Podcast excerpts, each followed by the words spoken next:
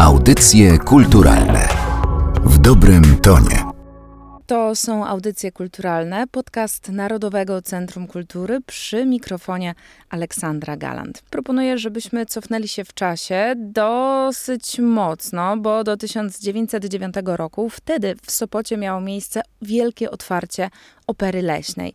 Operę leśną znają chyba wszyscy, którzy kiedykolwiek pojawili się w Sopocie, lub też miłośnicy różnego rodzaju festiwali, ale tym razem e, będę miała wielką przyjemność zaprosić Was na festiwal, jakiego jeszcze nie było. Ten festiwal nazywa się Baltic Opera Festival. Zaczyna się 14 lipca, kończy się 17 lipca tego roku. Jest on skierowany zarówno do miłośników muzyki poważnej, muzyki operowej, ale także do wszystkich miłośników po prostu dobrej muzyki, a także niesamowitych muzycznych widowisk. Co dokładnie czeka na wszystkich gości, którzy w Baltic Opera Festival wezmą udział, o tym opowie już dyrektor artystyczny, pan Tomasz Konieczny. Witam w audycjach kulturalnych. Witam, witam panią i witam państwa. Chciałabym zacząć może od odrobiny historii. Są wakacje, więc trochę od szkolnych ławek wszyscy odpoczywają, natomiast to jest piękny kawałek historii związanej właśnie z Sopotem, ale także z taką tradycją operową.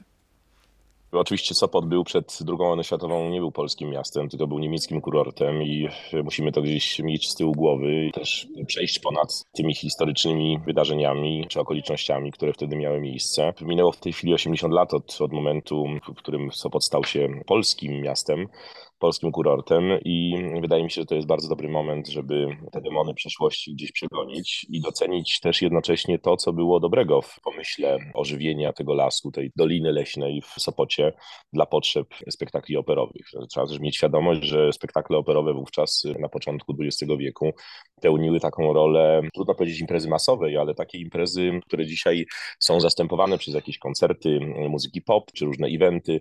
Mamy dzisiaj dużo większą różnorodność tych wydarzeń wydarzeń. Natomiast wtedy opera rzeczywiście była takim wydarzeniem, taką taką sztuką, która pozwalała dużej ilości ludzi doznać pewnych przeżyć artystycznych, wspólnie przeżywać jakąś jakość artystyczną i obcować ze sztuką. Także rzeczywiście wizjonerzy zajęli się tworzeniem tego miejsca, wymyśleniem tego miejsca, wyszukaniem tego miejsca.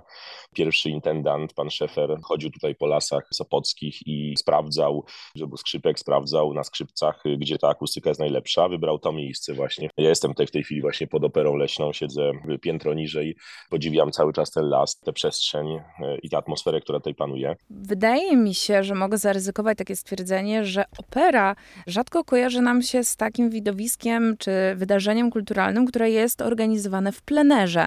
Raczej opery oglądamy w budynkach oper, co też ma dodatkowy walor, bo one często są zdobne, monumentalne, historyczne. Natomiast tutaj przenosimy się do lasu, w którym, tak jak pan mówił, akustyka została zbadana, miejsce nie zostało e, wybrane przypadkowo, co więcej, taką tradycję opera leśna już ma. U nas w kraju rzeczywiście jest tych wydarzeń plenerowych, stricte operowych dość niewiele. Natomiast już w takim kraju jak Austria tych festiwali jest kilkadziesiąt festiwali letnich, które odbywają się w dużej mierze pod gołym niebem. Zresztą w niemieckojęzycznym świecie od bardzo, bardzo dawna stosowano ten chwyt, ten pomysł był stosowany w wielu miejscach. Wspomnę chociażby operę leśną Waldbühne w Berlinie, która jest takim analogicznym miejscem do opery leśnej, natomiast kompletnie nie jest miejscem tak atrakcyjnym jak nasza opera leśna. Nasza opera leśna jest miejscem dużo bardziej atrakcyjnym. Zresztą przed II wojną światową ten obiekt był szeroko znany szerokiej publiczności europejskiej, nawet światowej. Przyjeżdżali tutaj ludzie z różnych krajów, z Francji, ze Skandynawii, z Niemiec oczywiście, z Austrii także, po to, żeby zobaczyć właśnie spektakle w operze leśnej, spektakle operowe. Ja myślę, że wcale nie jest tak, że opera koniecznie wymaga przestrzeni zamkniętej, pudełka sceny, zamkniętej przestrzeni. Dyrygenci, wielcy dyrygenci, którzy tutaj przed II wojną światową dyrygowali w Sopocie, podchodzili do tego najpierw z dużym dużym dystansem. Potem po przeżyciu właśnie tego spektaklu, koncertu, byli pod ogromnym wrażeniem. Znaczy mówili, że przeżycie takiego Parsifala, czy Lohengrina, czy Tannhäusera tutaj w Operze Leśnej nie jest porównywalne z żadnym przeżyciem, z jakim mieli do czynienia w normalnym pudełkowym teatrze operowym. Także mm, to nie jest do końca prawda. Rzeczywiście stworzono tutaj takie warunki, które są odpowiednie dla opery. Oczywiście to się potem po II wojnie światowej zmieniło. Z tego co wiem, armia rosyjska rozkradła bardzo dużo sprzętu, który był w operze Operze Leśnej zdeponowany. Rzeczywiście Bayreuth Północy, tak zwane Copote Festspiele przed II wojną światową niestety jeszcze podczas II wojny światowej dysponowały świetnym sprzętem, świetnym oporządzeniem, świetną technologią, do tego stopnia, że była żywa kurtyna na przykład na, na scenie Opery Leśnej, były wszelkiego rodzaju zapadnie teatralne, szyny, po których dekoracje jeździły. To naprawdę były monumentalne widowiska. No niestety dużo tego sprzętu zostało właśnie, tak mówię, rozkradzione, wywiezione w momencie wyzwolenia. Natomiast to, co się zachowało, jest wspaniałe, ponieważ zachował się kapitalny kanał orkiestrowy, który był rzeczywiście wybudowany przed II wojną światową na 150 muzyków. Ten kanał orkiestrowy w zasadzie nie uległ zmianie jako taki, jako wnętrze tego kanału orkiestrowego jest wyścielany drewnem. Specjalnie zbadana jest konstrukcja tego kanału orkiestrowego tak, żeby ta orkiestra, duża orkiestra symfoniczna świetnie brzmiała. I my właśnie wracamy do tej tradycji. Odsłaniamy deski w operze leśnej, odsłaniamy ten kanał orkiestrowy. Orkiestra będzie siedziała w kanale, śpiewacy będą uczestniczyli w akcjach scenicznych na scenie, tak jak to normalnie w teatrze się dzieje. To, co jest walorem takiego miejsca plenerowego w operze, to jest właśnie pewna naturalna scenografia, która tutaj jest. Kapitalnie adaptując tę naturalną scenografię lasu i wzgórz, państwo Borys Kudliczka i Natalia Kitamikado, którzy tworzą scenografię do naszego spektaklu Latającego Holendra, podkreślają jakby walory tego miejsca. Pokazujemy ten las, my pokazujemy ten las, pokazujemy ten obiekt, pokazujemy tę przestrzeń.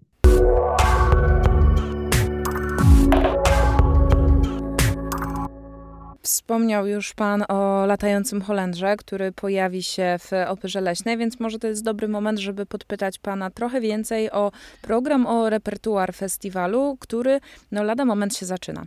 Festiwale to jest taka bardzo specyficzna forma manifestacji artystycznej. Są duże festiwale, są mniejsze festiwale. Festiwal w Sopot zawsze był festiwalem, na którym grano jeden do maksymalnie trzech tytułów. Więcej tutaj tytułów w ciągu roku się nie odbywało. Publiczność w tych najlepszych latach, niestety latach 30., które potem zostały, tak jak mówię, propagandowo przez nazistów wykorzystane, w tych latach ilość tej publiczności to było około 25 do 30 tysięcy. Tyle ludzi oglądało w ciągu jednego roku spektakl spektakle operowe w Operze Leśnej, przy czym na raz wchodziło 4 do 5 tysięcy ludzi do Opery Leśnej. Bardzo dużo również mieszkańców tego regionu brało udział czynny w tych wydarzeniach, czy to jako statyści, czy jako chórzyści. Mówi się o tym, że maksymalny chór, który tutaj wystąpił na scenie Opery Leśnej liczył 500 osób. To jest bardzo duży chór. Ci ludzie pracowali w podgrupach przez cały rok, żeby potem razem wystąpić. Miało się 4-5 spektakli danego tytułu. My oczywiście mamy pewne ograniczone możliwości, no, z jednej strony terminalne, które otrzymujemy od Opery Leśnej. To jest jednak miejsce wykorzystywane bardzo aktywnie do rozmaitych kulturalnych eventów. Są takie festiwale jak, jak Salzburg Festspiele na przykład, gdzie odbywa się około 90 y, rozmaitych wydarzeń w ciągu dwóch miesięcy. I to są wydarzenia rozmaitego typu, czyli y, to są spektakle operowe, ale również w tym samym czasie odbywają się koncerty symfoniczne i spektakle teatralne, różne warsztaty dla młodzieży, spektakle kameralne bardzo, bardzo różnych miejscach. Ja też chciałbym dążyć właśnie do takiego kształtu naszego festiwalu, żebyśmy mogli konsolidować rozmaite dziedziny muzyki klasycznej i teatru również pod skrzydłami festiwalu bałtyckiego, czy pod skrzydłami festiwalu, który odbywa się tutaj na miejscu. No, niektórzy mogą twierdzić, czy myśleć, że, że my możemy stanowić konkurencję dla siebie. Otóż nie. Takie festiwale na świecie odbywają się w jednym miejscu, wspierają się. Im więcej muzyki klasycznej w naszym życiu, tym y, wyższy poziom wychowania kulturalnego Mm, społeczeństwa, tym większa kultura w ogóle w społeczeństwie. Trzeba się mm, o to starać, trzeba o to walczyć i to jest jeden z również punktów takich bardzo ważnych w tym poczuciu mojej misji, które od paru lat mam y, i które mi przyświeca przy no, walce o organizację tego festiwalu, czy reaktywację festiwalu na scenie Opery Leśnej. Wspomniał Pan, co wydaje mi się bardzo istotne, o tym, żeby po pierwsze łączyć siły we wspólnym celu, a tym celem jest docieranie z muzyką poważną do jak największej grupy odbiorców, również tych, którzy być może nie są z nią na co dzień związanych, ale druga rzecz to jest to, żeby pokazywać jak najwięcej sztuki i operowej, i teatralnej, ale mam wrażenie, że podczas tej edycji Baltic Opera Festival pojawią się także sposoby na łączenie współczesności z historią, to znaczy tych sztuk nowoczesnych ze sztuką jak najbardziej klasyczną. My chcemy ogrywać różne instytucje w Trójmieście. Chcemy konsolidować rozmaite teatry, rozmaite miejsca w Trójmieście i tutaj Loteria na Mężów, czyli narzeczony 69 Karola Szymanowskiego, nieznana operetka, którą prezentujemy Państwu na otwarcie festiwalu, ona ma miejsce nie w Operze Leśnej, tylko w Operze Bałtyckiej. Jest przygotowywana przez Operę Krakowską. Opera Bałtycka jest mm, głównym organizatorem festiwalu. Współorganizatorem jest oczywiście Narodowe Centrum Kultury, również nasza organizacja, Stowarzyszenie Dalsenio Instytut. To jest takie oczko w głowie. Nasz pierwszy pomysł był taki, żeby właśnie tego Szymanowskiego grać w ogóle w Teatrze Szekspirowskim. Na świętej pamięci profesor Limon, jak jeszcze żył, bardzo się zapalił do tego pomysłu. Myśmy również się zapalili, aczkolwiek proszę mi wierzyć, że dużo trudniej jest wystawić dzieło czy operetkowe, czy operowe w teatrze, który nie posiada kanału orkiestrowego i który jest teatrem stricte dramatycznym. Mimo to chcieliśmy to zrobić, no to nam się nie udało potoczyło się to inaczej i w tej chwili ja jestem bardzo zadowolony, że te pozycje właśnie będziemy mogli wystawić Operze Bałtyckiej. Pomysł, który się z tym wiąże, to jest pomysł angażowania młodych, bardzo zdolnych ludzi, młodych wokalistów, którzy pracują razem ze swoimi mistrzami, którzy mają, są pod opieką wspaniałego reżysera, bardzo doświadczonego. Tutaj również Natalia Kita-Mikado jest autorką scenografii. Piotr Słukowski, też bardzo doświadczony dyrygent, jest dyrektorem muzycznym tego przedsięwzięcia. Także tutaj dziękujemy oczywiście Operze Krakowskiej, zrobiła całą produkcję Lotarina Mężów. Dziękuję również panu Andrzejowi Tomczykowi, który napisał nowe teksty mówione do tego dzieła operetki. Zachowały się tylko nuty śpiewanych utworów tej operetki. Teksty mówione nie zachowały się. Została już stworzona pewna wersja dialogowa przed paru laty, to było wystawiane w Krakowie, natomiast my stwierdziliśmy, że no, trzeba to jeszcze raz napisać, ponieważ chodzi nam o nieco inny przekaz niż ten, który był wówczas przez twórców spektaklu wymyślony. No i tutaj mówię, no gramy młodością, gramy młodymi ludźmi, ich takim wielkim urokiem osobistym. Mamy wspaniałych młodych śpiewaków, którzy z pewnością zrobią wielkie kariery, także bardzo mi zależało na tym, żeby tu ich jeszcze złapać za rękę, nim pójdą w świat, do tych wielkich teatrów i będą tam brylowali. I to nam się chyba udało, zobaczymy w piątek, ja tego spektaklu osobiście nie widziałem, on jest cały czas próbowany w Krakowie. Koledzy przyjeżdżają w tym tygodniu do Gdańska, będą próby, próba chyba 12 i 13 czerwca, no i potem 14, tak jak mówię, jest, jest otwarcie festiwalu w Operze Bałtyckiej. Tam pokażemy te loterie. A w Operze Leśnej pokażemy z kolei nasz sztandarowy projekt, można powiedzieć projekt flagowy, produkcji Latającego Holendra. Dlaczego Latający Holender, można by się zapytać? No z prostego powodu. Ja jestem wagnerianinem, jestem znany z tego, że śpiewam Wagnera od wielu, wielu lat. W pierwotnym pomyśle Chciałem sam zaśpiewać tytułową rolę w tym spektaklu.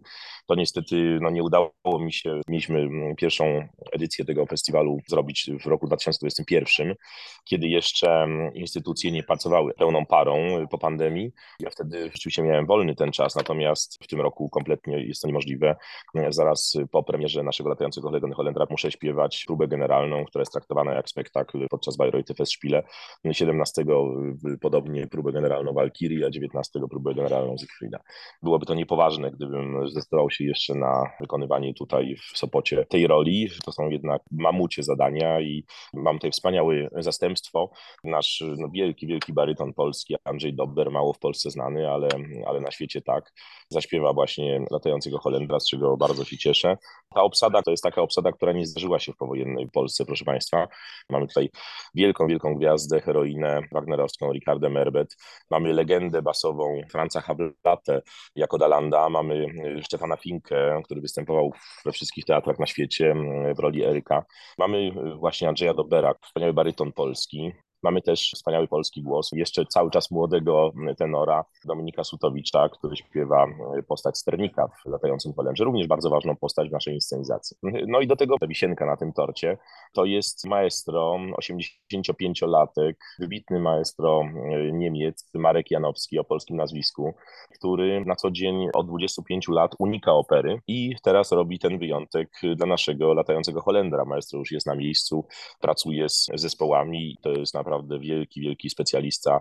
Miałem okazję śpiewania z nim wielokrotnie. Ostatnio dziewiątą symfonię w Dreźnie, dziewiątą symfonię Beethovena. Jest maestro w świetnej formie, jest naprawdę no, jednym z najlepszych muzyków na świecie. 16 lipca pokażemy Państwu maraton filmowy. To jest taki maraton filmowy, który oczywiście tematycznie jest cały czas w rejonie muzyki klasycznej i opery.